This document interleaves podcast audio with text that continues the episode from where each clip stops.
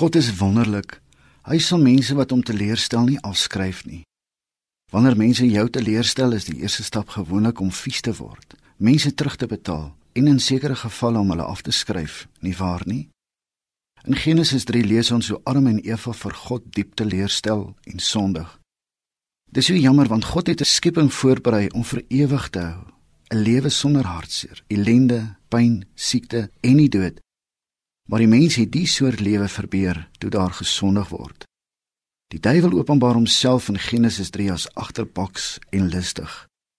Hy maak dit sy topprioriteit om God en die mens kwaad te maak vir mekaar. Hierdie strategie is steeds die duiwelse werkswyse in ons hedendaagse tyd. Ons sien in Genesis 3 dat wanneer mense ongehoorsaam word, is daar slegte goed wat gebeur. Adam en Eva ervaar vrees, skande, vernedering, skaamte en boonop weier hulle om verantwoordelikheid te aanvaar en vergifnis te soek. Die duiwel slag dus in sy doel wanneer mense dit hulle topprioriteit maak om mense te beledig, te blameer vir dinge wat verkeerd uitgedraai het. Adam gee vir God die skuld en sê dis die vrou wat hy van God gekry het wat hom verlei het. Eva op haar beurt beskuldig weer die slang. Om iemand te blameer is nie hoe mens iets suksesvol oplos nie. In Adam en Eva se lewe kan ons uitleer om nie vas te kyk of om stil te staan by die dinge wat God hulle verhoed om te doen nie. Moet met ander woorde nie toelaat dat die duiwel jou gevang hou oor die goed wat jy nie verstaan of beheer oor het nie. Bly eerder net gehoorsaam aan God se beveel in jou lewe. Al verstaan jy nie altyd die Here se wil nie. Moenie jou eie wil probeer implementeer nie.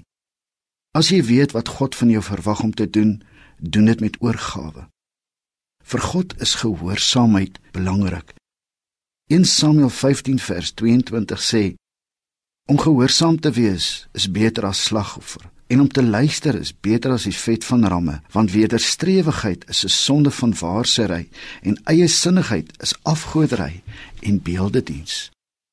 Om iemand te blameer kan dalk tydelik 'n vinnige uitweg wees, maar op die lange duur bring blamering nie sukses en oplossings voort nie.